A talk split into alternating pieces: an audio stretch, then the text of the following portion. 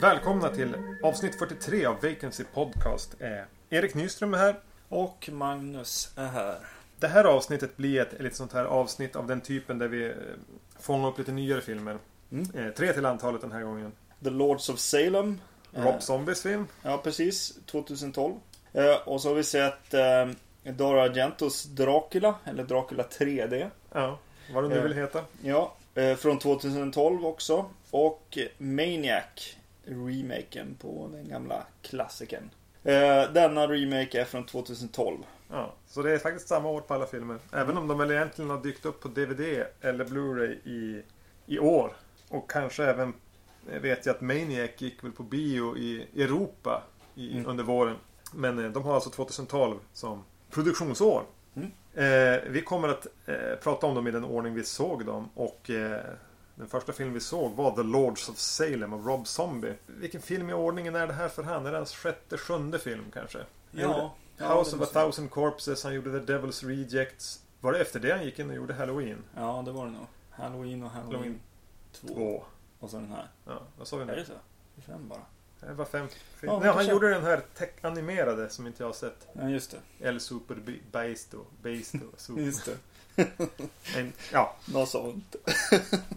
Och han, han är väl varit minst sagt ojämn i sitt eh, filmskapande. Ja, precis. Eller ojämn bör det väl nästan vara fel att säga i och med att eh, fram till den här så var det väl egentligen bara The Devil's Rejects som har gått att se. Ja. I princip är det ju så. Han har, ja, han har väl en liten egen stil så här, lite hill, hillbilly stil på det hela och eh, ja, jag vet inte. Han är ju musiker eh, och musikvideo snubbe känns ju av Ja. tydligt från det han, det han gör i sin. Eh, men också ett, ett starkt typ fan av skräckfilm. Ja, vilket är ju tydligt i både musiken och, och i filmerna. Nästan framförallt med castingen av Han hans filmer. brukar ofta gräva upp gamla skräckfilmsskådisar Mm. eh, och ge dem eller eh, kultfilm och skräckfilmsskådisar och, Mm. och, och ge dem en karriär igen. Lite eh, som Quentin Tarantino fast på en C-nivå. Just. Mm. Han ingick ju också i det här uh, splat-packet eller vad de försökte Ja, göra där med några, några regissörer som var på, på G där ett tag. Eli Roth ingick ju där också. Mm. Mm. The Lords of Salem. ehm, Ja, precis. Vad handlade den om? vad handlar den om? Precis, det var det jag försökte formulera i mitt huvud. Det, den handlar om en eh, kvinna som jobbar på en eh, radiostation. Hon är radiopratare. De presenterar, det känns bekant. Visst såg vi en film alldeles nyss med en kvinnlig radiopratare? Eh, en kvinna som jobbar på en radiostation som spelas av Sherry Moon, zombie, Rob Zombies hustru. Får ett, en skiva på posten, eller i, i, i en låda som hon spelar. Och det händer saker när den här sen går ut över radion. Radiostationen hon jobbar på är, är ju även då i Salem. Mm. Som är känt för sina häxbränningar. Precis. Och till sa- saken hör väl att det, det verkar vara När hon spelar den här musiken så verkar Vad ska man säga Kvinnorna i, i staden att eh, reagera på Ja. den här musiken.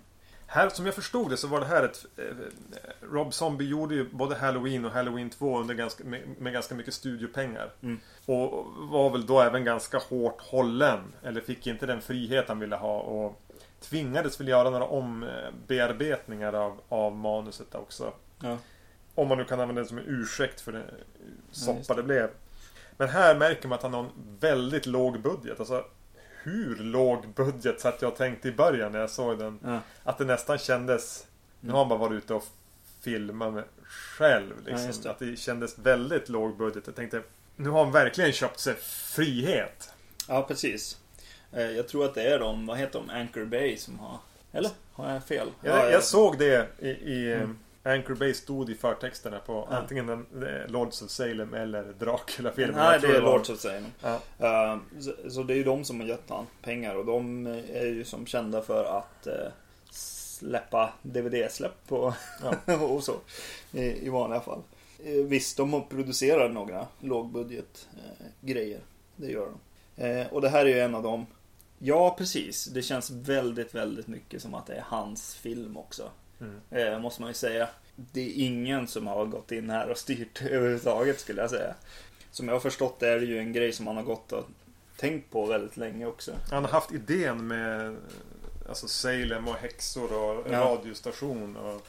Jag har för mig att det kom en låt som hette The Lords of Salem långt innan den här filmen gjordes. Eh, på en av hans skivor. Men, hur ska vi...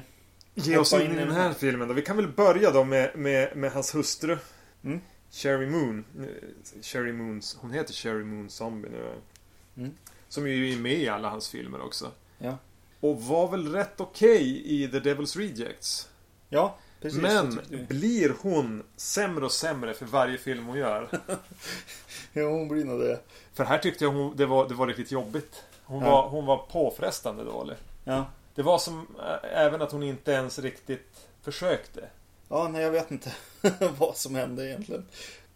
Eller vad då? Vad har hon? Ja, precis. Jo, men det är väl The Devils Reject som vi, som vi snackar om. Varför vi tror att hon eventuellt skulle då komma och göra någonting bra här. Kanske. För eh, det här, hennes skådespelaren i den här filmen känns lite grann som att hon eh, här, går igenom scenerna in, alltså för att veta vart hon ska stå, vilka repliker hon ska säga vart i scenerna.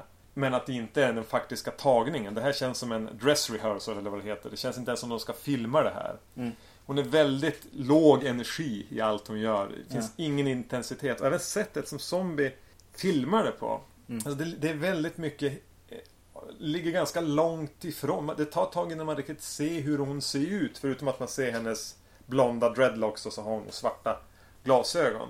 Men, mm. men förutom det så får man ingen riktig presentation av huvud... Man får aldrig se hon i en närbild.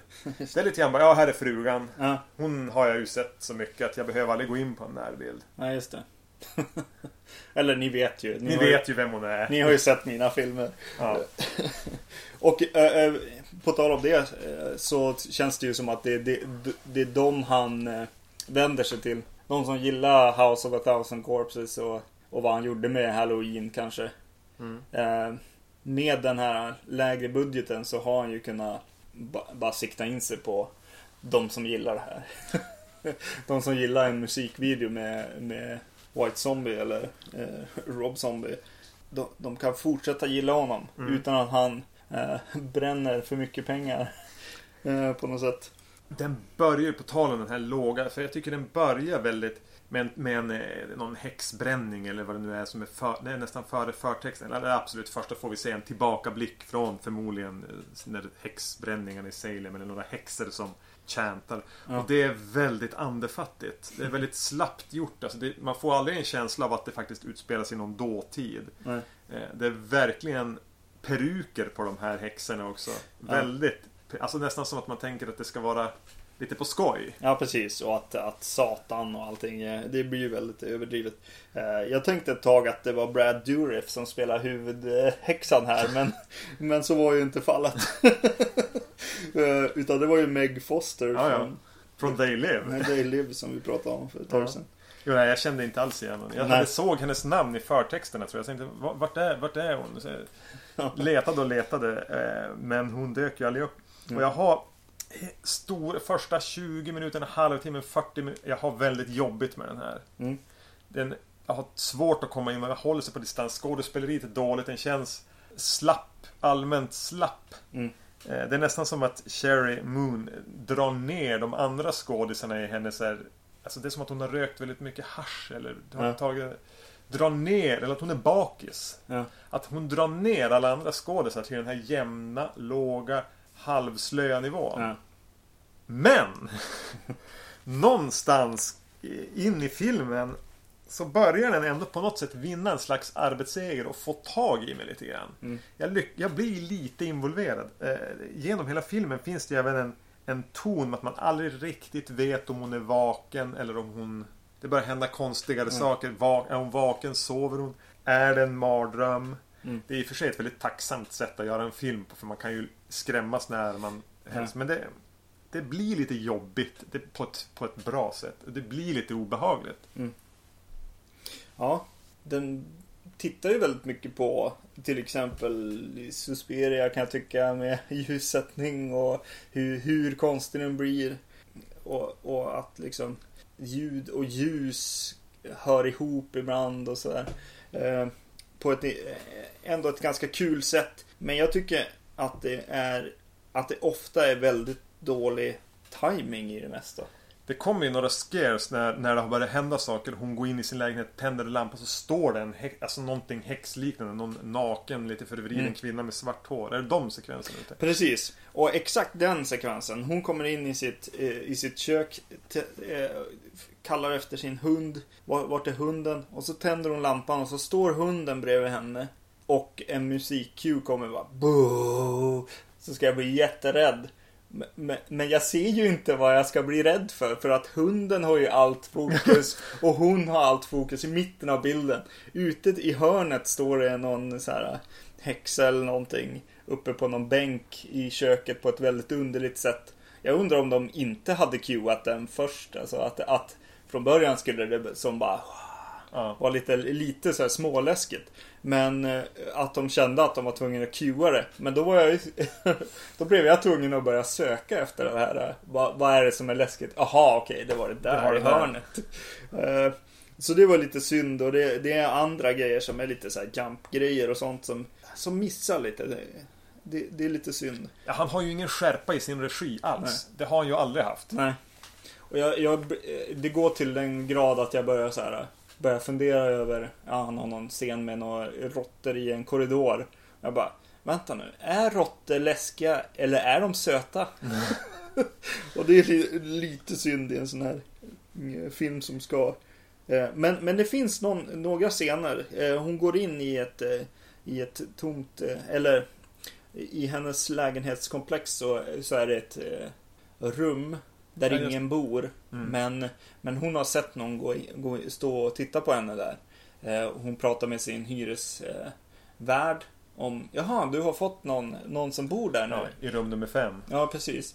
Och då säger hyresvärden Nej, men eh, det bor ingen i femman. Så här. Jag får aldrig ut i uthyrt eh, Och då finns det en sekvens där hon går in eh, i det rummet som är väldigt psykedeliskt. Ja. Och tittar på något kors Neonkorset. som lyser.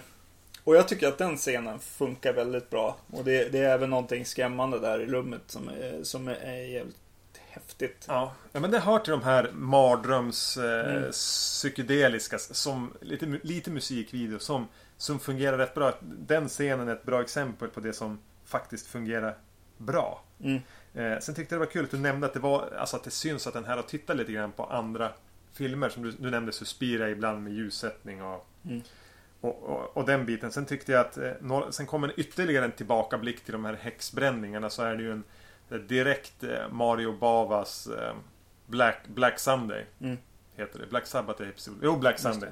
Med en häxa som får en, en järnmask satt på sig. Mm. Det är ju det är tydligt därifrån. Och sen eh, dyker det även upp tre kvinnliga häxor som är hyresvärden. Det kanske var en spoiler att säga det. Jag tycker inte det. Eh, Om jag sen säger det för att, för att försvara mig. Eh, ja, att, att de här tre, att de blir lite så här Roald Dahl-häxor. Mm. Den här boken Häxorna. Mm, här, lite skräniga, skrattiga, äldre kvinnor. Som jag tänker, alltså det kan inte heller, det måste han ha. Nu har han läst Roald Dahls Häxorna. Ja, ja. Och, och, och gör en liten blinkning till det. Mm. Sen använder han sig av en, en författare här. Spelad av, han heter Bruce Davison. Väl mest känd från X-Men-filmerna kanske. Ja, just det. Eh, som spelar någon författare som har skrivit en bok om häxbränningarna. Som börjar göra någon slags eh, research och vandrar omkring i en liten helt egen film. Mm. Som, och den känns som en, eh, som en dokumentär. Det känns mm. som han stuffar runt och gör en dokumentär och att att de scenerna han är med i sådana här rekonstruktionssegment när han pratar med någon. För det är väldigt mycket fakta där. Mm. Och det är inte direkt fakta som vi behöver. Nej, och det är, ja precis. Jag blir så uh, irriterad på honom också. För ibland blir det så här bara. Okej, okay, någonting uppenbaras för honom. Jag, han, han inser ju någonting. Och kan med sina liksom. Att han kan allt det här om häxor och sånt. Så vet han ju. Han vet ju vad han har kommit fram till. Men sen så går han till en dator och googlar. Så att vi ska kunna se vad han kom, kom fram till. Mm. Vilket känns lite, lite dåligt. Eh, sen... Eh, jag, jag blev eh, paff. Jag tror att det har med vad det, budget och sånt att göra. Men jag blev väldigt paff när hon var utomhus. Så använde Rob Zombie jättemycket lensflares. Det tänkte jag. När hon går omkring i staden. Och det... Jag trodde inte man misslyckades sådär med lensflares som vi är så vana vid liksom. Med, JJ Abrams filmer. Ja, precis. Men här är bara verkligen de billigaste lensflaresen du kan hitta. Uh, vilket drog mig helt ut ur, ut ur filmen. Jag tyckte även att den, jag fick lite vibbarna av The Innkeepers. Alltså Ty Wests Ja, sätt att göra det. film. Det är lite... Mm. När den försöker vara avdramatiserad och lite normal. Mm. Så, så tänkte jag väldigt mycket på just The Innkeepers. I det här lite slöa. Mm. Ja, jag kan inte riktigt sätta fingret på det. Det var, det var någon vibb. Eh, Ja men det är sant. Det är ju, de är ju stoners, alltså de som jobbar här på radiostationen är Ja. ju tydligt. Och hon har ju någon, eh, en av, en av dem han, hon eh, jobbar med som inte är Ken Foree från Dawn of the Dead. Mm. Ja, de har ju något slags förhållande i alla fall. Och jo, och eh, senare med honom, just att de är så jäkla sega på något sätt och Mm. bara tar det lugnt. Och eh, jag, jag kommer att tänka på det när du säger att hon, hon drar ner tempot på något sätt med hennes skådespeleri. Och grejen är ju också att hon, när hon lyssnar på den här skivan så ska hon ju till och med gå ett steg ännu Bli segare. längre ner och bli segare. Och man, man, ska, man ska förstå att oj, hon är liksom nästan sjuk eller hypnotiserad eller någonting här. Eh, vilket ju då drar det ännu... Då blir det segt. Då Ja, blir det det blir trögt. Ken Foree, du nämner han. Han spelar ju då. De är tre radiopratare på den här stationen. Eh, jag var tvungen att kolla på hur gammal Ken Foree har hunnit bli. Ja. Och han, han fyllde 65 i år. Ja. Han är ju- Han ser bra ut Ja, för att jo. vara 65. Ja, det är sant. Han ser inte ut att vara så mer än... Han skulle kunna passera som 40. Mm. En, till som har lite problem med det, det är ju eh, Dee Wallace som också är med här. Ja, hon, Hon, hon är ju också lite för ung för hennes roll här. Eller hon ser för ung ut på något sätt. hon är så castad efter sin faktiska ålder. Ja, precis. Men hon ser lite för ung ut. Mm. Ser inte ut att vara så hemskt mycket äldre än, än eh, Sherry Sure. Mm. Som har sina fusk-dread som ju alltid gör att man ser yngre ut. Men Mm. hon är inte så ung längre tror jag. Nej. Nej, till skillnad då från Meg Foster. Eller Brad Dourif. Eller Brad Dourif. Som hon har blivit på äldre dagar. Filmen ska ju som accelerera upp och bli konstigare och konstigare heller. Och det ska bli psykedeliskt och surrealistiskt och trippat och så här, flippa. Men det är då tycker jag Då märker man återigen att ja, han är inte så visionär, Rob Zombie. Nej. Eh, istället för att man känner verkligen att man hamnar i någon sån här konstig galen mardröm som i, ja men säg någonting ur Santa Sangre eller någonting Mm. som David Lynch kan göra. Så känns det bara lite grann som att, ja men nu är det en hårdrockare som har gjort en musikvideo. Mm. Det dyker till och med upp någon hårdrockare i den här konstiga med svart långt hår och någon ful make. Ja, just det. Corpse paintad Corpse paintad kille. Nå- någon norsk. Så black metal. Ja, just det. Det är det. Eh, och det känns ju också bara... Ja men det känns eh, Headbangers Ball snarare än vad det känns 2013, 2012. Mm. Men eh, de använder ju Velvet Underground-låtar också i de här. Och det fungerar ju. Ja. Det är ju Velvet Underground-musik, tycker jag i alla fall, som ska vara när det ska bli, ska bli flippat. De använder Mm. eh, Venus in Furs och mot slutet även All Tomorrows Parties på ett... Ja men det är ett snyggt sätt. Det är häftigt. Det är en bra låt också så det är väldigt svårt att misslyckas egentligen. Mm. Ja, det är ju, det är ju en familjeaffär det här, eh, den här filmen överhuvudtaget. Det är ju, vad heter han? John Five, hans eh, Rob Zombies eh, gitarrist. Som har väldigt stor Mm. del i hans musik just nu. Har inte Har han gjort gjort musiken. Med, haft med Marilyn Manson? Ja, ja, ja. Han, han, eh, han var eh, gitarrist för Marilyn Manson ett, ett tag. Eh, precis, men Rob Zombie har jobbat väldigt mycket med honom. Just det. Ja, men jag kan tycka att eh, det är det här Rob Zombie ska göra lite grann också. Ja. Eh, han ska göra lite lågbudget för fansen. Och, och jag tror att man kan hitta vissa delar så här. För han är ju så, så pass flörtande med, med annan film och så. Så kan man hitta liksom lite guldkorn ändå i, i de här filmerna som man kanske kommer göra här framöver då. Jag hoppas att han fortsätter på den här vägen. Mm. Ja, precis. Att han inte går in och, och, och ska göra ja, studio... Göra en Eh. Poltergeist remake eller någonting. Ja, precis. För han är inte den som ska göra det. Utan eh, han, eh, han har ju för mycket... eh, Ja, men han vill, han vill ha så mycket att säga till om. Han har sina egna visioner. Så det, det ska han ju få ha, känns det som. Ja. Eh, Så, så ja, jag vet inte. Jag, jag var inte så imponerad av filmen, men jag är, glad att han får göra den. Lite grann. Ja, det, det håller jag definitivt med. Jag tror jag, jag, jag tror jag tyckte om den lite mer, även om jag suttit och varit ganska kritisk. Att den ändå lyckas fånga upp det här när den blir lite knäpp Mm. och bara kör och är egensinnig och, och, och rullar på. Så är det ju ja, definitivt den bästa, hans näst bästa film efter Mm. The Devil's Rejects. Ja, Eh, nu var det väldigt länge sedan jag såg A House of a Thousand Corpses. Men det stämmer för mig Ja. också. Men det, det, det kan man ju hålla med om. Och eh, ja, nej men man var ju aldrig så här bara, åh gud, när, när ska den sluta och sådär. Det, det kan jag hålla med om. Och, och vissa scener som sagt var riktigt kul. Mm. Mm. Ja men den var ändå en positiv överraskning för mig. Ja. Om än inte en fantastisk film. Och på tal om Om filmer man vill ska ta slut eller? övergång här. Mm. Segway. Eh, just det. Vi har ju också då sett uh, Dario Argentos senaste eh, rulle. Som är Dracula då. Och han eh, får gå in och göra lite 3D Ja. film här också. Det är bara jag som har sett den i 3D av oss två. Jag tänker, Så, så jag har ju sett den. Vi, vi är hemma hos Erik nu och så jag satt med när han såg den igen. Så nu har jag sett den två gånger den här Ja. filmen. grattis! Ja, tack tack. Ehm, det här är ju bara Dracula-historien. Den har jag inte tänkt försöka återge. Eh, för om man inte känner till den spelar det egentligen ingen roll heller. Det är en nytappning av Dracula. Ja, precis. Vissa små justeringar mot för historien man är van vid. Men egentligen Mm. det, det man är van vid. Ja, det är ganska van, eh, vanliga förändringar också egentligen. som görs här. Ingen resande och Ja. egentligen, ja precis. Som man kanske har varit med om förr också. Och, och då som sagt var att den är i 3D. Jag, vi såg den inte i 3D nu eftersom jag har inte Mm. den möjligheten på min TV. Så du får, du, vi, får får- återkomma till det. Ja, du får fylla i 3D-detaljerna. Ja. Eh, när jag skulle se den här så hade jag extremt låga förväntningar. Jag hade en, som en fråga i, i, i huvudet och det var kom, Är det här ännu en Dario Argento-film som kommer att se ut som Morden i Midsummer? Mm. Kommer det här se ut som en TV-film igen? För någonstans under hans under 2000-talet så har allt han gör börjat se ut som TV.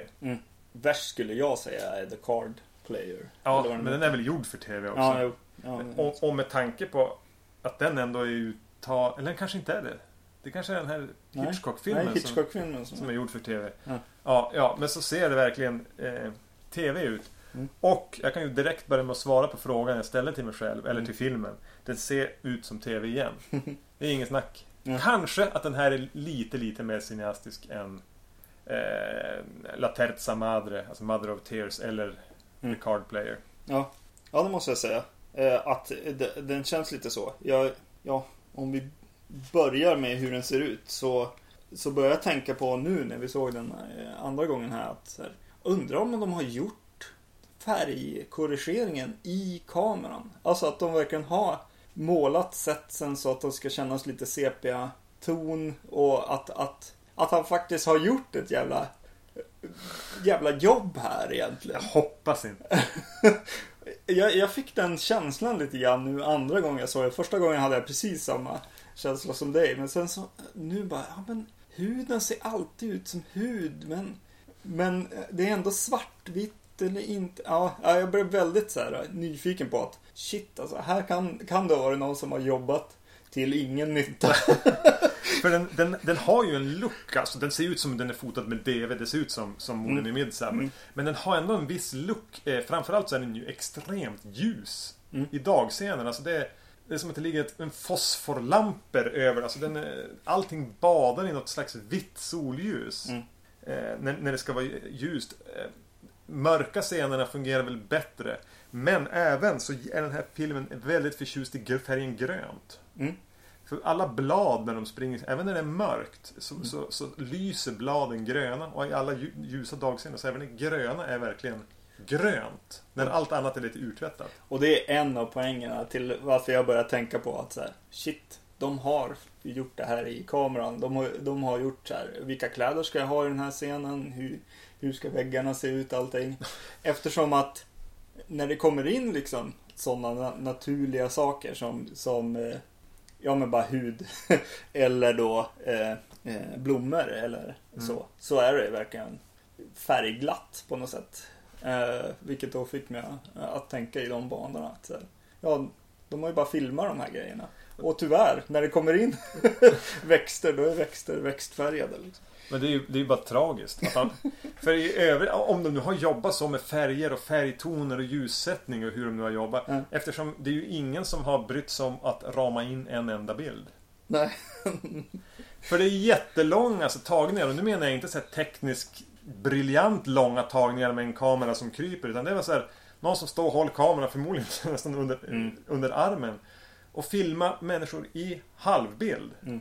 Hela tiden. Det, återigen, mm. precis som jag gnällde på eh, The Lords of Salem så finns det inga närbilder i den här filmen. Utan allting är så slö glamour så här, från midjan och uppåt. Och de kan mm. gå omkring och kameran panorerar och så panorerar den tillbaka. De går och hämtar ett glas, de går till en dörr. Mm. De går ut och kameran går bredvid och filmar dem från midjan och uppåt.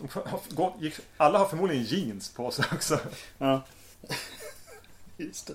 Eller inga byxor alls. Ja. ja. Så den ser ju hemsk ut. Ja.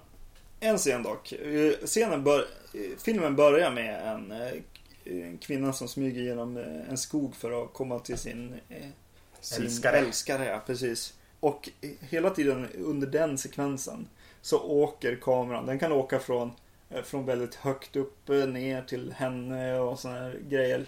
Lite Dario Argento får man just i den eh, sekvensen i, i, i början. Och jag tänkte hela tiden shit, undra hur det här skulle vara med en riktigt jävla bombastisk så här eh, Goblin-musik. Bara frenetisk liksom. Eh, bultande musik. Det skulle kunna ha varit en bra scen tror jag. Jag, jag tänkte inte ens på den och, och, och, och det började med att filmen hade redan nästan fått mig att börja nicka till innan det. För innan hon ger sig ut på den här promenaden så typ, jag vet inte om hon går runt och städa. Men det är en sån sövande scen när hon går runt inne och typ plockar med några saker. Och återigen det här trista. Man, man kan... Klipp! Vi vill inte se det här. Och sen går hon ut och då hade jag redan... Då hade, redan där hade jag gett upp. Just det. Mm. Ja. Nej. Jag tror att den scenen har rätt bilder. Fel musik.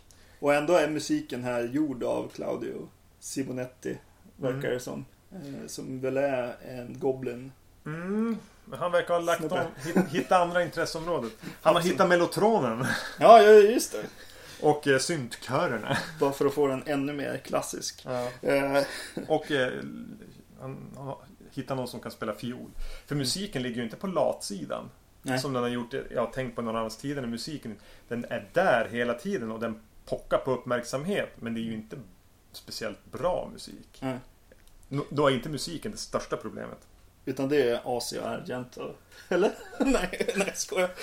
Jag har nästan hunnit glömma att hon var med. Uh, jag börjar fundera om hon verkligen hatar sin pappa. Eller om han, Dario Argento hatar sin dotter. ja, precis. Något sånt är det ju definitivt. Hon... Uh, hon ser ju hånfull ut när hon glider in i den Ja, filmen. precis. Och vill verkligen förstöra varenda scen hon är med i. Och då hämnas pappa genom att tvinga honom att klä av sig naken igen. Ja, precis. Som man har gjort i filmer sedan hon var 17. Ja, precis. Mm. Deras relation. Man undrar. Ja. Men det, eh, ja precis. Och han som spelar Jonathan eh, Harker här är ju också ganska skitdålig. Jag tänk, tänkte du på att alltså, det är lustigt för den karaktären. De har verkligen modlat den på Keanu Reeves jättedåliga porträttering av, av Jonathan Harker. Ja, jag, Ja, precis. Jag, jag, jag kommer att tänka på att det skulle vara att han spelar, ja precis, den karaktären i en parodi på... Ja, på Saturday Night Live. Ja, precis. Eh, för han, han ska gå omkring och egentligen se och reagera till alla roliga saker som händer runt omkring honom på något sätt. Ja. Det känns som han ska, eh, som han är en sån där som ska bära eh, en parodi. jag vet inte. Vart är Leslie Nielsen när man behöver Ja, precis. Du gillar inte Asien, men det, nej, Asien var verkligen inte bra. Mm. Men vad tycker du om Thomas Kretschmann då, som spelar Dracula? Just det. Ja, jag vet inte vad som... Oh.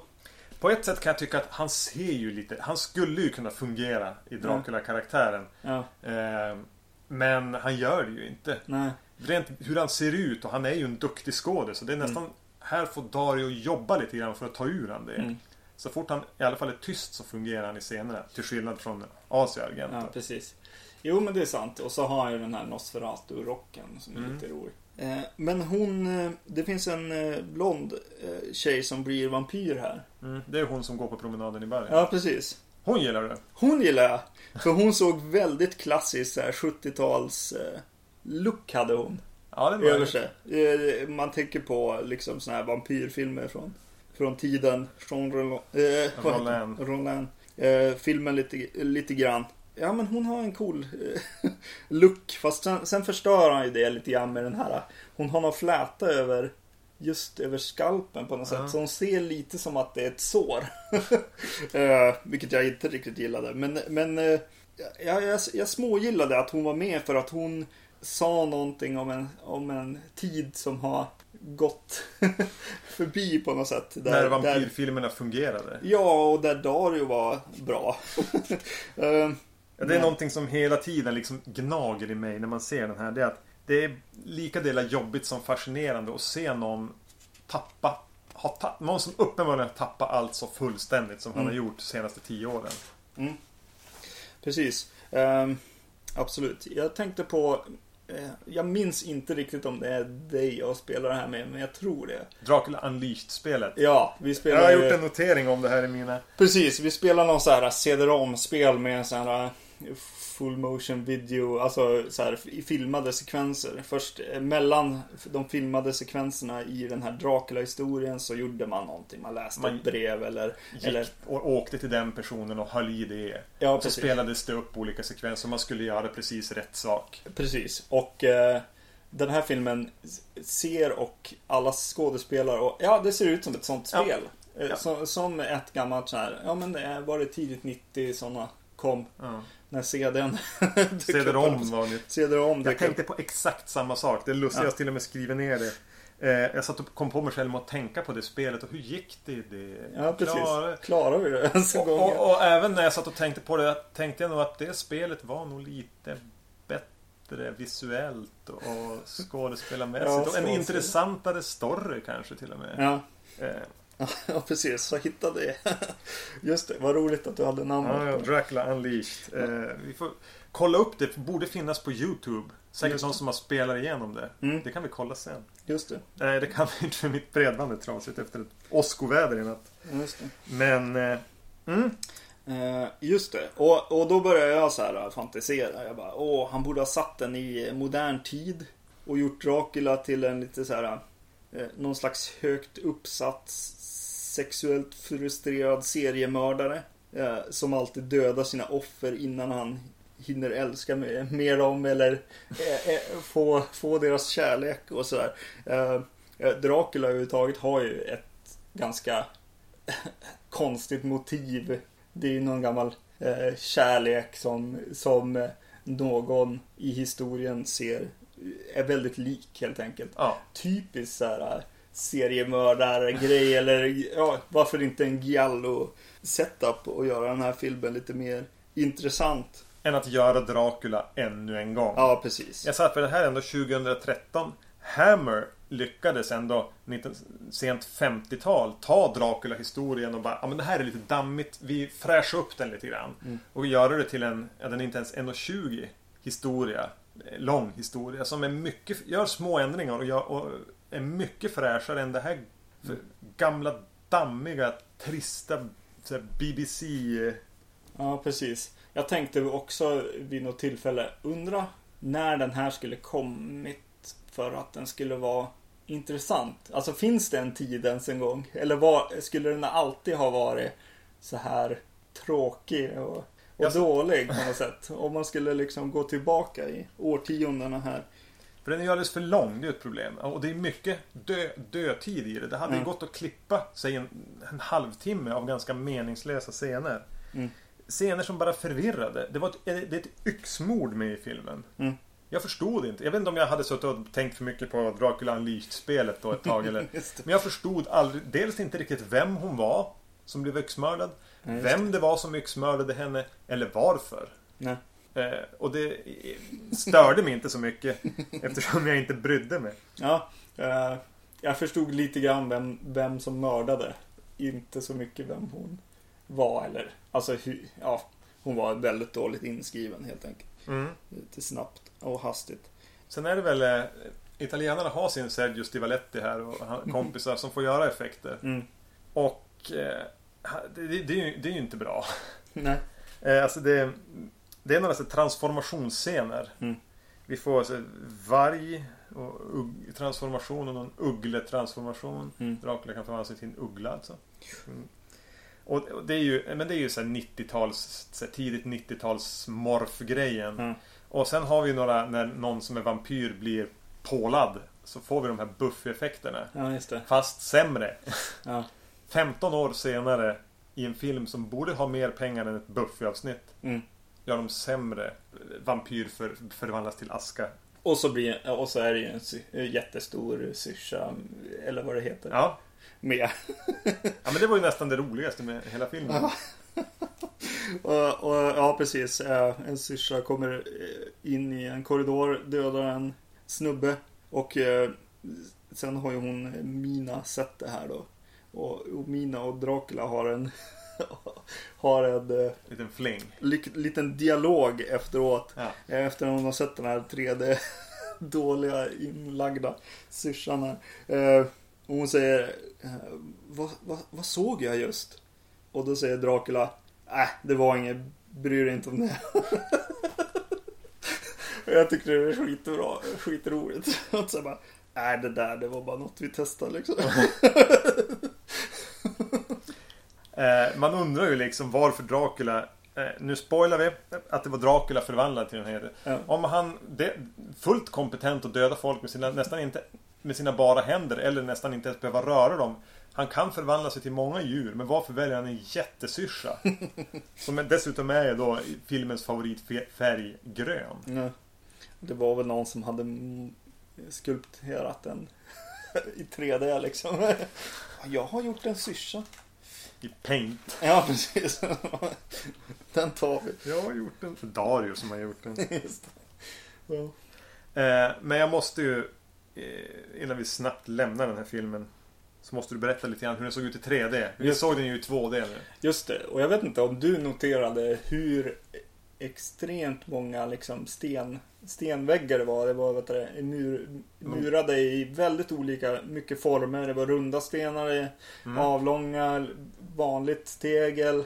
Eh, och det är där 3Dn ligger. I stenarna. Eh, I, i att vad det, bakgrunderna eh, släta tråkiga väggar i den här filmen står, står eh, verkligen ut så Eh, det, nästan extremt mycket.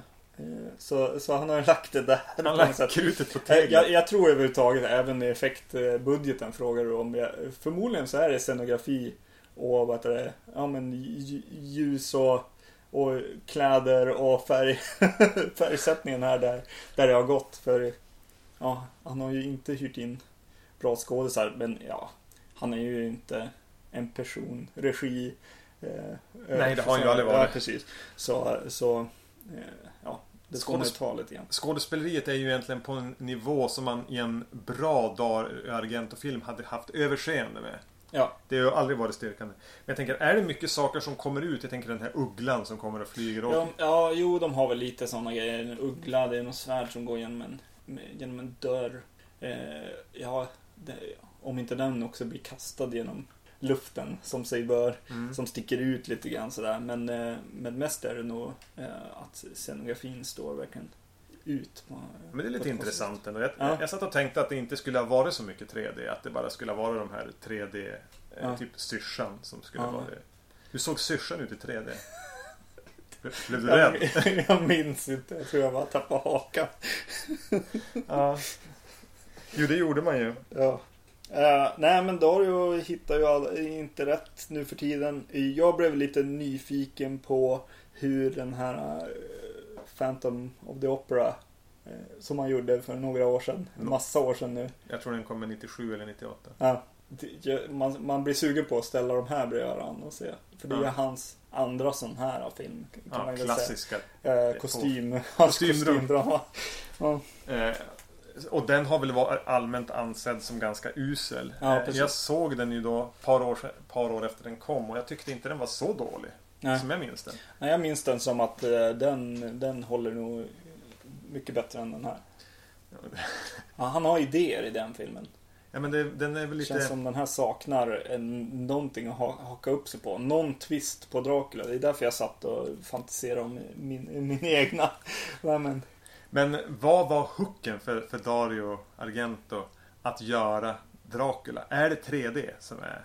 Det var någon som ville ha den i 3D och han Ja. räckte upp handen eller? ja, kanske. Det kanske är ett test för någonting annat. Nej, det är det Nej inte. men han måste ju sluta. Ja, sluta nu. Ja. Han jobbat i tio år med att liksom förstöra sitt rykte. Ja, Efter ett 90-tal som var ganska mediokert. ja, Så har han precis. fortsatt Alltså plocka bort grej för grej för grej. Ja. Som att, så nu har han ju länge sedan han gjorde en film som rent gick att titta på visuellt. Mm. Yes. Men, åh. Ska, vi, ska vi glömma det här nu Vi glömmer det här. Så går vi vidare. Ja, Eh, till Maniac. eh, från eh, 2012 då. Som sagt. Eh, en remake på William Lustigs film från... åt- tidigt 80? Jag har inte år, årtalet i huvud- nedskrivet. Eh, den filmen, ja, men den handlar ju om en, en, en, en maniac. En galning som mördar kvinnor i New York. Precis. Eh, regipinnen, re- vad heter det? Det är inte en regipinne. vad är det? Registolen. Ja, I registolen. Där sitter ju Frank Calfun, eller hur man nu uttalar det, som är mm, Alexander Ayas sidekick egentligen. Mm. Eller kompis, eller understudy. Som jag har gjort några filmer tidigare. Han Mm. har bland annat gjort eh, P2. Mm. En ganska lyckad thriller skräckfilm i ett parkeringshus. Just det. Eh, också producerad av eh, Alexander Aja. Mm. Och eh, den här är ju det också skriven av eh, bland annat eh, Alexander Aja. Då. Eh, och varför nämner vi Aja hela tiden här? Istället för Frank här. Eh, det är väl en liten favorit. Ja, Eh, Sedan han gjorde High Tension eller Switchblade Romance eller eller det franska namnet. Ja, eller det franska namnet. Som är väldigt likt High Tension. Mm. Eh, och ja, precis. Redan på den DVDn så, så pratar han ganska friskt om Maniac. Och Ja. hur, hur han älskar de här 70-talsfilmerna från Amerika. Och eh, ja, det känns som en, en av hans verkligen såna här favoriter från tiden. I alla fall när man lyssnade på det kommentarspåret. Han har till och med rakt av såna här, eh, vad heter det, homager i, i den filmen. Eh, hon gör, i, I High Tension så gömmer hon sig i, i, inne på en toalett. Mm. Där han har en del av graffitin eller det folk skriver inne i, i, i toaletterna är taget direkt från, från Maniac. Då. Eh, Så det här är ju ett projekt som, som förmodligen är en jävla jackpot för, för honom. Varför regisserar han inte själv då? Det är, den- det är för mig den eh, stora frågan lite grann.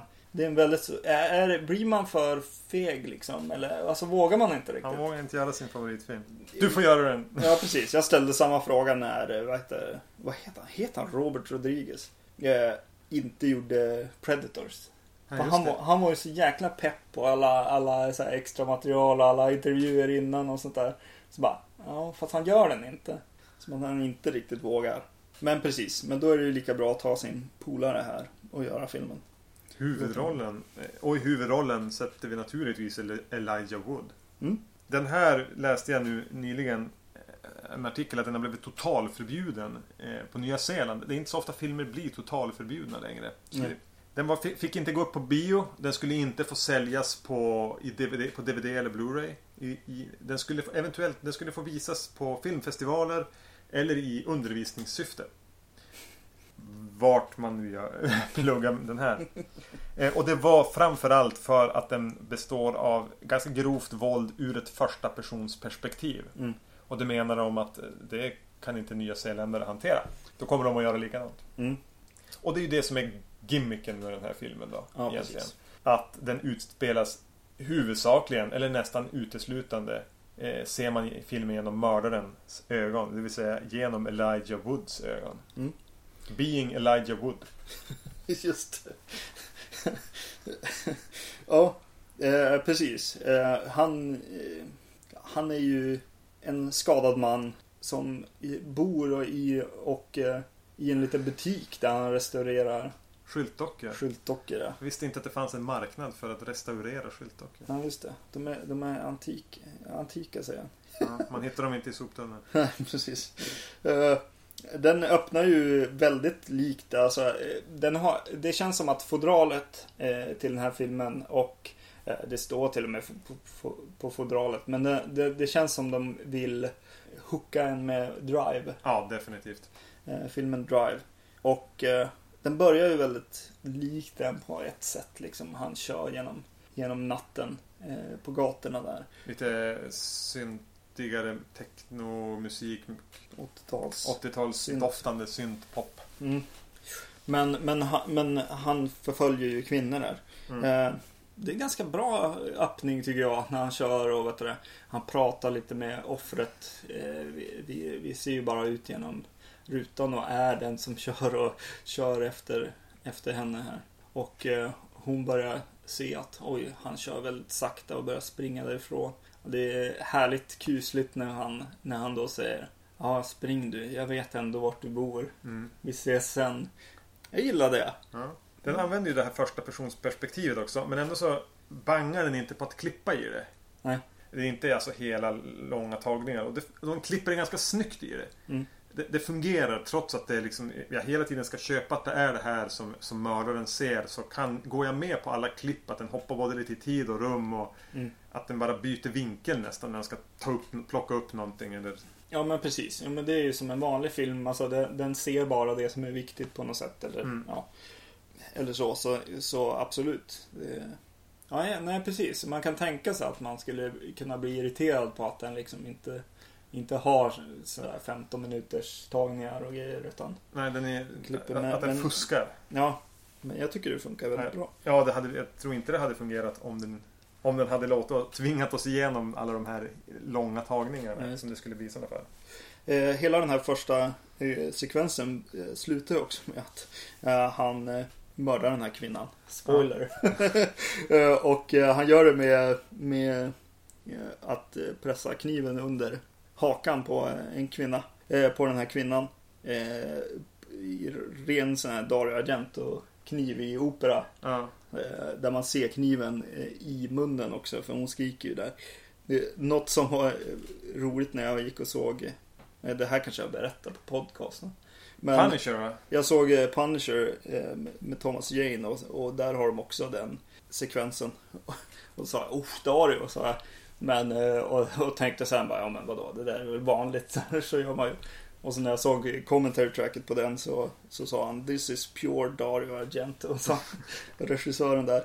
Vilket jag tyckte var kul. Och en kul eh, grej för det här avsnittet är ju att Dario Argento själv gör ju det här i Dracula också. Fast med en kula Ja, just som det. går igenom på samma sätt. Som skjuter sig under hakan. mm. Just det. Eh, Man får köpa lite saker här eh, redan från början, vilket jag blev lite så här. Jag blev lite orolig för filmen just i den sekvensen, för han blir otroligt stark när han har sina händer här. Att eh, både knivgrejen och sen, sen drar han skalpen av den här tjejen, vilket Ja. han gör med, med sina offer. Och, och, och, och det görs eh, vä- väldigt konstigt. Ja, men just det, eh, om man verkligen ska gå in i en obehaglig detalj så skalperingarna är ju återkommande. Han Ja. dödar många kvinnor under den här filmen och ska, han skalperar dem. Ja. Och det är väldigt olika svårt för honom att göra det. Ja. Första kvinnan lägger han liksom ett snitt och bara rycker. Så Ja, far precis. hela skalpen. Och, så, och någon så måste han... Är det ungefär så obehagligt och svårt som man tänker sig att det skulle Mm. vara. För att sen gå tillbaka och verka vara ganska lätt igen. Ja, precis. Eh, och det, det gjorde mig väldigt orolig. Särskilt i den här första där han egentligen bara eh, han, han sätter ett, ja, precis, ett litet snitt och så håller han i princip upp håret i en hand medan hon, hennes tyngd liksom när hon faller är det som drar loss hennes hår liksom. Då, ja, jag blev, blev väldigt konfunderad, särskilt när det är Elijah Wood kanske. Som är en ganska Frodo. liten man. Just det, särskilt som en, en, en hobbit. Mm. Mm. Ja, 20 minuter in i filmen så, så, så vet jag att jag tänkte eh, att bara, hur, hur ska det här kunna bli en hel film? Mm. För då har den hunnit med två ganska liknande så, som handlar om att han hittar någon kvinna, följer efter eller söker kontakt med och sen dödar han dem. Och det verkar vara det han, och jag tänkte bara, ska, ska hela filmen bara vara det här ett, ett, ska den försöka göra någon slags konst av det här? Ja. Och låta han åka på så drive, åka på gatorna till, till 80-tals syntpoppen. Och döda kvinnor på, och skalpera dem mellan varvet. Och, och, att det är Elijah Wood som gör det. Och att det är första person. Att den bara ska bli någon slags meditativ mm. så, historia. Men den, den, får ju, han träffar ju en, en, en kvinna som han lär känna lite bättre. Mm. Så den får en liten sån, sån hook också. Mm.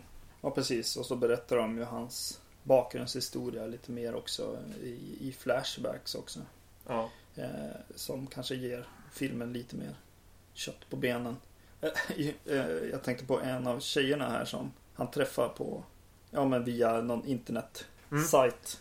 Mm. Eh, hon Hon refererar i dialog till första filmen. Eller originalet. Ja, ja han, han, hon säger oj vad, vad ung du är. Eller vad, ja, vad snygg du är i princip säger hon åt honom. Uh-huh. Och han bara, ja men vad, vad förväntar du ja, dig? Ja, nu förstår jag. Då beskriver hon. Och då beskriver hon ju han, vad heter han? Joe Spinell. Ja, Joe Spinell. ja, jag tänkte att du skulle vara äldre, lite, lite smårund, lite så här akne. Svart, stripigt ja, mustasch. Nej, det var, var lite kul. Men hon påminde mig otroligt mycket om Nancy Allen från i Blowout. Mm. Som vi såg för det. Jag tänkte, inte lika, jag tänkte inte på Just det. Jag tänkte, jag tänkte på henne jättemycket. Mm. Men jag tänker när man ändå, Maniac, måste ändå prata lite grann om Elijah Wood. Eh, för det första att få en så pass, han kanske inte är en så stor skådis längre. Ja, ja. Jag vet inte vad han Nej, har för inte. status. Nej. Eh, men hur som helst så har man i alla fall, bara det att Elijah Wood är med i en remake på en sån här ganska slaskig och illa omtyckt film. Men han har i alla fall, alltså som Maniac har fått väldigt, originalet har fått väldigt mycket skit. Mm. Och att då ha Elijah Wood i huvudrollen och samtidigt välja att inte ha med han. Eftersom man ser filmen, okej okay, han tittar i speglar väldigt mycket, han reflekteras där och Ja. någon gång glider kameran ut faktiskt också. Ja. Ett kort ögonblick. Eh, Men hur tycker du det fungerar med Elijah Wood som, som The Maniac? Frank. Ja, det är lite svårt. Mm. jag har lite svårt för det är ju han. Och han... Jag har lite svårt med hur han... Eh, hans dialog. Vem han pratar med och sånt där. Ibland, ibland får han för sig att prata direkt med sig själv. Ja. Som eh, Gollum då. och så. Eh, vilket jag tyckte inte, inte funkade överhuvudtaget. Och det finns några till tillfällen där som det känns eh, konstigt. Men det finns också tillfällen där det verkligen funkar tycker jag. Jag tycker han funkar när han eh, pratar lite grann åt potentiella offer då. När han så här eh, och stalkar liksom. Eh, och eh, även eh, han pratar med sina eh, skyltdockor också. Mm. Vilket funkar mycket bättre. Men ibland så känns det som att han pratar med sig själv. Och då, då är han ju inte bra nog. Helt enkelt. Jag tycker ändå de gör en, en, en kul grej. Jag kan, han gör inte till eller från. Det är inte så att man en, jag har fått en helt ny syn på Elijah Wood efter det här. Men han gör en, de gör en, en grej av att det, de använder det till sin fördel att, att, att ha en snygg. och Mm. Att, att det är därför han har så lätt att komma i kontakt med kvinnor. Ja. Det är ju Elijah Wood för tusen. Ja, precis. Att, att, Ja. att, att han kan få ragg. Och jag tycker också att han funkar i de bilder som han är med, de han är med i. Eh, Det är lite att jag irriterar mig på eh, att han pratar egentligen nästan. Det är nästan som att han, han förmedlar ju det där som han säger i de få bilder som han är med i känner jag lite grann. Man, man skulle kunna ta det lite lugnare liksom med, med dialog på honom. Eh, jag tror att det skulle framgå ändå. Eller då lägga in lite mer ångest eller lite mer, vad heter han i Black Christmas? Billy. Billy ja. Att, att få lite utbrott och lite, lite sådana eh, sekvenser snarare än, ja det är nästan så, han, han tar det lite för lugnt med dialogen. Det, det känns som att han sitter i ett bås och pratar. Helt enkelt. Vilket han ju förmodligen då gör men Ja, nej, jag, jag har lite svårt för det. Men jag tycker att han gör en bra insats i, i övrigt egentligen. Och, och eh, som du säger, det är ju det är så bra att det är han. Mm. Det man märker blir ett problem för han och framförallt de andra i filmen. Är ju att de tvingas agera mot en kamera. Mm. Och det blir inte riktigt någon skjuts i dialogerna. Det blir som konstiga, det blir pauser där det inte ska vara pauser. Det blir, det blir inget flyt i det. Det känns stelt Nej. när någon ska prata. Det är ju en mycket cinematisk kamera. Jag undrar vad som skulle hända om det var mer. Alltså att han hade en liten, liten DV-kamera på huvudet liksom. Eller något sånt. Alltså att han... Ja.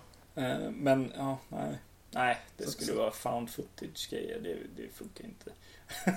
I det här fallet. Jag, jag tycker det är roligt att de kan göra en, liksom, en lite släpande kamera som är lite mer statisk ändå. Eller vad man ska säga. Ja, den är ju inte skakig. Det är Nej. ju inte en första som skakar hela Nej, tiden. utan den, den glider ju snarare. Mm. Men den blir ju inte... Det är inte så att den glider heller. Alltså den, de hittar ett ganska bra mellanväg med, med att få kameran att man, man köper att det är hans ögon. Mm. Men man blir inte störd på att den går runt och guppar eller skakar eller Nej, kastas hit och dit. Och den glider inte för mjukt heller. Mm. För att återkoppla till det här med Elijah Wood eh, och regissören. Det känns lite grann som att han, eh, han i P2 har lite liknande. Liksom, att han är en ganska ung och Relativt attraktiv. attraktiv eh, psycho helt enkelt. Med ändå ett distinkt utseende. Ja. Och, och jag tänkte mer på P2 faktiskt eh, i någon eh, tunnelbanesekvens som jag gillade när han jagade efter en tjej. Mm. Eh, där det är en väldigt, väldigt kall grittighet på Mm. något sätt. Den, är, den har inte eh, graffiti eller något sånt. Utan det, den påminner lite grann om mil- miljöerna, de sterila miljöerna i P, P2 också. Eh, när de är i tunnelbanan där och går omkring. Hela den sekvensen är ganska kul. Så här. För säga eh, helt frånkopplat att den är- fotad bara första person. Så gillar jag verkligen looken på filmen. Just du Mm. säger den har en slags kall Den har någonting hårt och rått över hur den ser ut. Mm. Utan att vara alltför tillgjord eller extrem eller för, alltså för stiliserad. Det känns på ett sätt som, som gatorna i en storstad. Mm. Den känns på ett sätt nästan lite digital. Lite det här Michael Mannska Ja. det känns hela tiden väldigt på allvar och på att det jag kommer få se i, i den här kameran kommer att vara ganska obehagligt. Ja. Den har någonting hotfullt över Ja. bara hela looken, även om de filmar bara vad som helst. Och just hur den ser ut är, den är väldigt texturen i den är otroligt snygg. Mm. Jag tänkte ett tag, det- just det, när vi hade en 3D-film här i avsnittet så tänkte jag ett tag, undrar hur den här skulle vara i 3D. Ja. Just att man har, man, man ser från mördarens ögon hela tiden. Det känns som att det skulle kunna, kanske för en gångs skull, vara intressant att ha en, en 3D-film här kanske. Ja, Nästan så att det skulle bli lite väl obehagligt. ja, kanske. Eh, för det är ju någonting med att, att placera en, eh, tit, alltså en som tittare Mm. i huvudet på mördaren. Mm. Och sen, sen låta mördaren utföra ganska brutala bestialiska mord Mm. med skalperingar och grejer. Det är ju någonting jag, jag, jag sympatiserar inte med att Nya Zeeland har förbjudit den. Mm. Men det är ganska extremt. Ja, jo det är sant. Det är det. Jag tycker att det kan vara, alltså en, att vara i hans ögon kan vara, ibland kan det vara läskigare med saker, alltså bara helt vanliga saker som händer i, i film. Eh, I den här filmen så gömmer han sig under en bil en, eh, vid ett tillfälle Mm. och eh, hugger ner en, en, en tjej från under bilen. Och, eh, men jag tycker det är mest obehagligt i den scenen är när han ska kravla sig ur, ut från bilen. Att ta i under bilen. Ta ni delar ur, ur bilen och upp så här. Det tar tid att komma fram till den här stackars kvinnan. Liksom. Ja, jag tyckte det var, var bra. Ja, bra och obehagligt. den lyckas ju med det den försöker göra Mm. där också. Den, ja, vi ska göra en remake på Maniac. Vi ska göra den första person. Ja. Med de premisserna så gör de ju egentligen nästan, nästan en så bra film som det går att göra. Mm. De lyckas ju med det. Den blir aldrig som de här farhågorna jag hade efter 20 minuter. Att det här kommer bara... Det här kommer, det här kommer inte hålla Mm. i, i 90 minuter. Mm. Men eh, det gör det. Ja, precis. Det gör det ju. Och de bry- bryter ju mot sina grepp vid rätt tid, tidpunkter och på rätt sätt känns det som. Ja. Också. Det funkar väldigt bra. Och som sagt, bara rent så här äckelfaktorn i ja, att stå egentligen som publik och skalpera en, en tjej väldigt långsamt där i en, i en av scenerna är väl egentligen den värsta så. Ja, det är ju inte okej. Nej, nej, precis. Sen finns det en lite längre scen i en kvinnas lägenhet. Eh, där grannen har varit inne ett tag och eh, allt trappas upp lite grann här. Grannen går därifrån. Den scenen tycker jag är skitcool. Mm. Den använder första persons perspektivet både i, i dramat, i dialogen och sånt på ett väldigt bra sätt och även när den, när den rampar upp och blir liksom nästan actionsekvenser i den här. Mm. Och just att putta omkull en mördare som sen måste ställas upp igen. Det kanske var just de grejerna som jag tyckte var som mest annorlunda kanske mot andra filmer. Att här, få, få se dem ta, ta, ta hjälp och, och stöd av liksom. Ja, men den visar ju i den scenen på lite potential att göra andra typer av filmer med samma gimmick. Ja, precis. Både att göra något som kanske innehåller mer action, för det är som sagt mördaren blir omkullputtad och slår iväg någon som flyger en bit. Mm. Och det, det fungerar. Man tappar lite orienteringen, men på ett bra sätt. Mm. Och in, så visar det nästan även att hur det skulle kunna gå att göra en, en romantisk film Mm. helt och hållet genom ögonen på och få på något sätt en helt annan innerlighet i, i känslorna som skulle kunna förmedlas eh, Mm. i, genom att vara inne i huvudet på en karaktär. Inne i ögonen på en karaktär Mm. hela tiden. Ja, definitivt. Det handlar väl mer om att man är i ögonen, man är inte i huvudet. Precis. Men man bör väl varna för att Maniac är en extremt våldsam film. Ja, kan man säga. Jag, jag hade ju jätte... Eh, inte... Eh, ja. Jo, jag hade jättehöga förväntningar. Eller jag var väldigt, väldigt nyfiken på Ja. den här filmen ska jag säga. Kombinationen Maniac och Aya som jag i alla fall har, har vetat har varit ett något slags drömprojekt ändå. Eller, eller kanske till och med någonting man inte rör för honom. Så ja, det, var spännande att se den. Jag är inte så besviken som jag skulle kunna ha varit, ha blivit känner jag. När jag var så himla sugen på att se den här filmen. Och har varit ganska negg på att den inte har gått upp på bio här till Mm. exempel. De tar upp Evil Dead, Ja, just det. Ja, men precis. inte den här. Men inte den här, ja precis. Eh, Den är mycket intressantare och, Och bättre. och bättre. Ja. Eh, Det jag får dock eh, med den här regissören känner jag, också, känner jag lite grann är att jag får den kvaliteten jag fick i P2. Ja, skulle jag nog säga. Alltså om man, om man gillade P2 så kommer man gilla den här. Den, den når inte upp till high tension för mig. nej. Å andra sidan kan man ju säga att Frank Calfun, jag tror att jag uttalar hans namn något sådär, eh, har en jämnare karriär. Han har gjort en film mellan P2 och den här som verkar vara en actionfilm. Ja. Men P2 och den här är ju två ganska stabila filmer. Medan Aya började bra med, med eh, High Tension, fortsatte lite sämre med, men ändå helt okej med The Hills Have Eyes. Ja. Och sen har det som, har han tappat kontrollen över vad han ska göra med Mirrors och Piranha. Nu vet jag inte ens vad han håller på med. Han håller på med någon som heter Horns.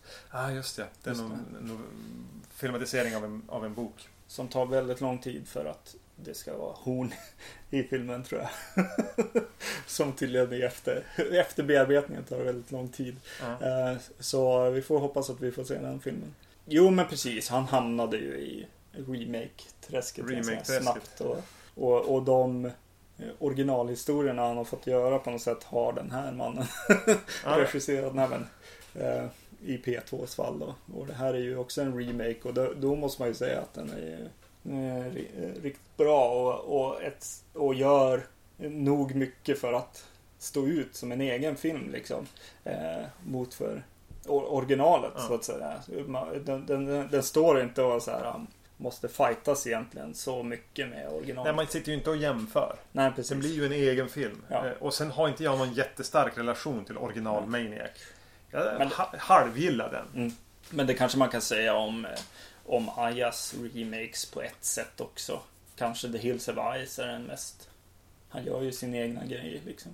På något sätt. Mirrors är ju väldigt egen på något sätt. Ja.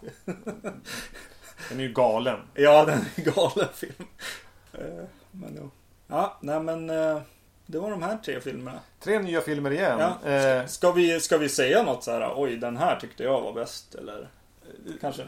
tänker att det framgår, men eh, jag håller ju Maniac som den bästa av de här tre. Mm. Med en rekommendation. Ja. The Lords of, och jag vill alltid säga The Lords of Dogtown. Ja. Men The Lords of Salem, överraskning. Mm. Ja. För, för min del. Helt, Den var okej. Ja, den var Dracula är hemsk. Och, Ja, är- På det dåliga sättet. Ja, precis. Just när man, när man börjar jämföra den med ett sånt här eh, CD-ROM-spel. Från 92. Ja, precis. Det, är inte bra. Nej. Vi eh, har ingenting klart för nästa avsnitt. Nej. Nej. www.vacancy.se är våran, våran hemsida. Eh, podcastet vacancy.se är våran e-post. Eh, förslag på filmer, frågor, eh, kritik får ni skicka dit. Eh, vi finns på Facebook. Eh, vi finns på filmfenix.se. Och numera även på Twitter. Jag har tagit över det gamla Twitterkontot som vi aldrig riktigt bara använde. Mm. Eh, Och hur hittar man det? Jag är inte så bekant med Just det. Twitter. Och det är at vacancy och så är det en sån här underscore SE. Ja. Eh, för jag fick inte använda punkt när jag skapade det kontot. At vacancy underscore se. Följ oss gärna på Twitter också. Jag meddelar när det finns nya avsnitt. Jag ska försöka få igång ett flöde och ta emot, även där ta emot förslag på filmer eller synpunkter, kritik, vad som helst. Ha det bra. Hej!